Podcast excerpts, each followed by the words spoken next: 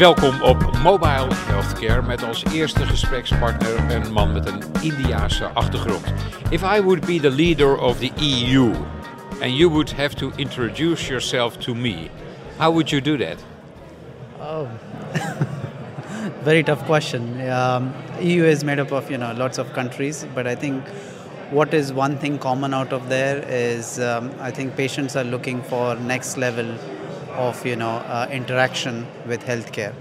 So um, if I was you know to introduce myself, I would say you know I'm working for a company called ServiceNow, and we are looking at you know how we can help that uh, uh, journey for EU countries in bringing digitalization to the front line for healthcare. Yeah.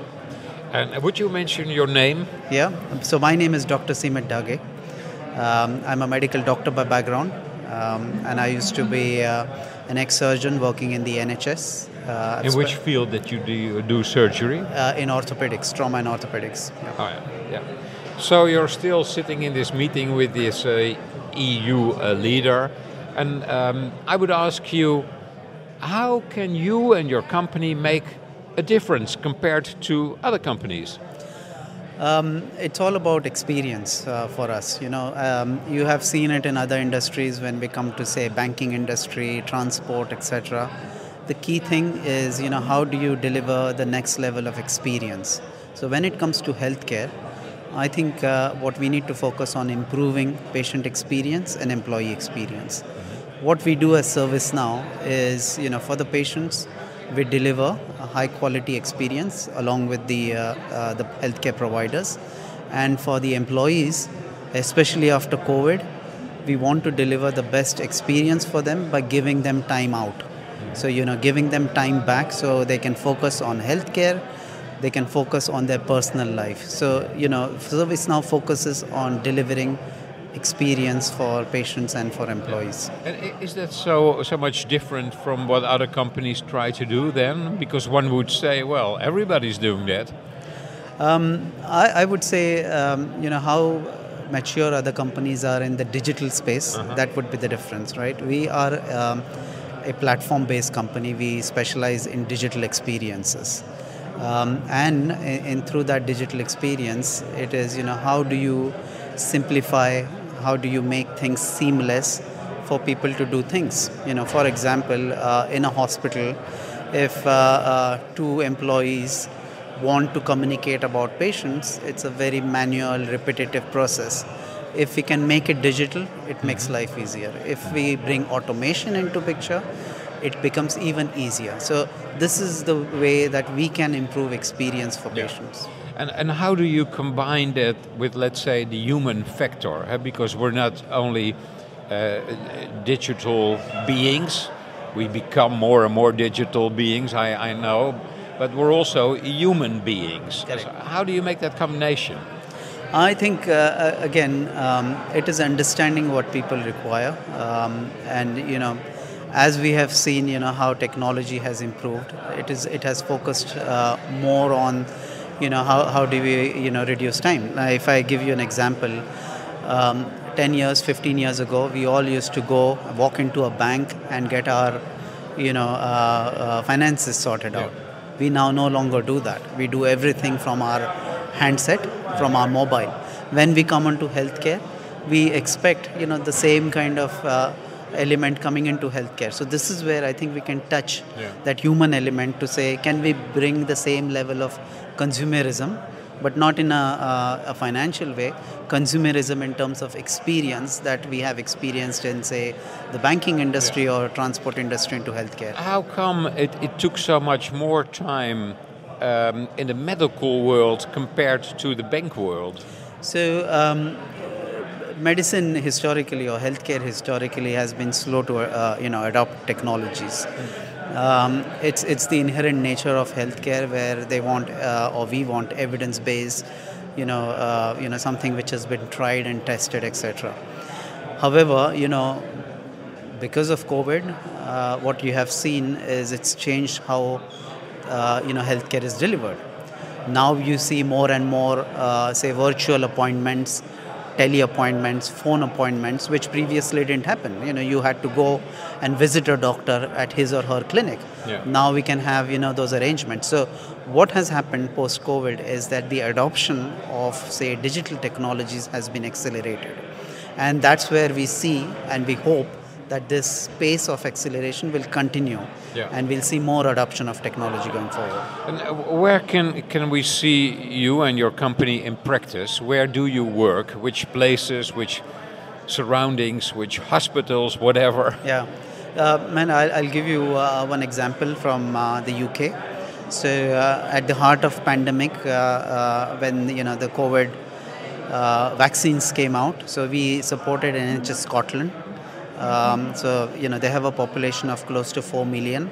So we were able to uh, you know put in place a vaccine administration program for them, where uh, you know now you see over the last two years uh, patients receive notifications digital notifications about you know them being eligible for vaccines they can go on patient portals and choose and book where they want the vaccine. But then also on the clinic side the clinics can look at the availability of vaccines availability of people who can administer vaccines. So we've been doing that successfully for nhs scotland. The other example I would give is uh, we're currently working with the Norwegian health system, where we will be building uh, what we call as a surgical cockpit, where um, you know they have a lot of patient cancellations.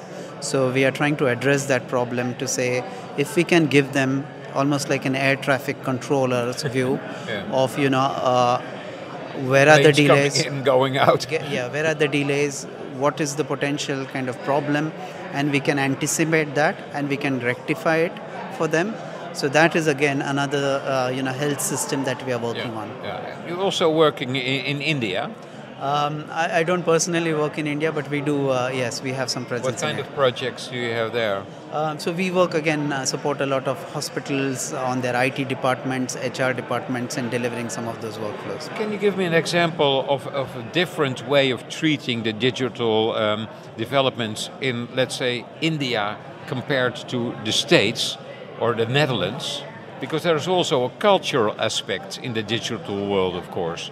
Correct. I, I mean, um, I would say the most fundamental difference is, uh, you know, the presence or the absence of a public health system, right? Um, at least in the Western European worlds, we have, you know, uh, public systems like the NHS, or here, you know, in Netherlands, we have, you know, the system being partly funded by uh, the public sector, etc. Yeah. So there is some level of governance and uh, uh, I would say responsibility of delivering public health care. As we go into, say, the Indian subcontinent, and India is not an exception, uh, I think that um, I, I, I would say um, uh, there is importance, but you know the delivery is not that effective as uh, you would see in the Western world. Yeah. Um, so that that is one of the I would say big difference. So you see a lot of private sector where uh, you know especially on the Indian subcontinent where patients have to pay out of pocket. Yeah. Or, or through insurance schemes, etc. So there's a big difference in you know that. Does this mean that people in, in what we called the developing countries, uh, in earlier days we called them the developing countries, does it mean that, that you get, let's say, two sorts of people people who can afford to be part of the digital world and other people who can't afford to become part of that? Uh, true. Uh, I mean, um, you know, and and and that. um you know, I, I wouldn't say it's you know a world for haves and have-nots, but uh, yes, there is a clear kind of uh, I would say um, demarcation or differentiation in terms of you know how much uh, healthcare can you afford, uh, how much healthcare can the government support in delivering you. Yeah. There, there, there is choice, but uh, what you also see uh, in uh, you know especially in the Indian subcontinents, there, there are I would say um, other uh, healthcare delivery models where you have Ayurveda and you know some of the other kind of you know uh, non um, kind of allopathic medicine options as well, which uh, patients sometimes you know uh, use for uh, non-emergency uh, conditions. Yeah. Can can you change as ServiceNow anything in this field? I mean, the haves and the have-nots. Can you help the have-nots? Um, I, I would say, um, you know, things like having a digital front door. Uh, with you know capabilities like virtual agents you know where you know we have virtual agents when we open our bank app and uh, you know the virtual agent will say what are you looking for today Yeah. right that's you know so you can bring the cost of uh, healthcare down uh, through automation through artificial intelligence and make it uh, make delivery po- possible for uh, you know the the lower uh, i would say income category of population Yeah. Your mother is living in India. correct In, in up till uh, which level uh, is she part of the digital uh, healthcare system? So my mother, um, she's been a gynecologist for last 50 years. Uh, she decided to take retirement after COVID. Um, I, I would say, um, you know, during COVID, uh, she was a, as a practitioner uh, participating in number of patient to doctor, uh, you know, consultations. So she's already, without her realizing, been a part of that kind of healthcare delivery model. Yeah. Uh, so again, you know, that that is pretty much, you know, her her kind of. And uh, her patients? um, her patients again you know we have things like whatsapp i know it's kind of you know uh, we get into the security and confidence aspect Yeah. of it but you know uh, especially in, in countries where there isn't a formal way of communicating digitally uh, you have uh, consumer grade uh, technologies such as you know whatsapp things you know which which people can still use and have those communications Yeah. L- Let's return to Brussels, where we were having this conversation. Me being the EU leader, and you visiting me as an employee of ServiceNow. Um, if I would ask you in that capacity, um, what your advice is on um, what to change in the E- EU when it comes to comes to digital things, what would your advice be? So, um, predominantly the um, European nation, you know, most of the countries have some public health system where, you know, the hospitals or the care delivered is reimbursed by the government Yeah. or the public sector. Uh, my one recommendation or suggestion would be um, that reimbursement is still very activity based where you know uh, i'm going to treat 100 patients i get you know paid for treating 100 patients Yeah. uh, it needs to move a little bit, um, I would say, towards value based care, towards outcomes based, and it also needs to incorporate digital technologies. Say if a hospital wants to reduce its cost by having a virtual agent Uh, at uh, you know as a digital front door where Yeah. you know patients don't need to turn up in the hospital. They can log in mm-hmm, w- mm-hmm. through artificial intelligence Stay virtual agent you know decide whether this is important or not. So the point i'm coming at is from a policy point of view the reimbursement for digital technologies needs to open up and it needs to become uh, i would say mainstream uh, like you know the, the other uh, Yeah. kind of way of uh, Okay. reimbursing Okay, and then I would say, okay, I'll, I'll, think about that suggestion. How much is that gonna cost me? I, I would say, um, just from experience, and this is my personal view, um, technologies when they are new um, may cost, uh, you know, a bit higher. But as we have larger ro- rollout adoption, you know, there's economies of scale kicking in. So I, I don't think so. You know, there's a, uh right answer for me to say whether it is, you know, cheaper than what we have. Yeah. But there's of, obviously an economic case over Yeah. there where as more uh, technologies are being adopted, it becomes you know more cost effective. Okay. Well, being a politician, I would say I'll, I'll talk about it with my colleagues. Thank you very much. Thank you.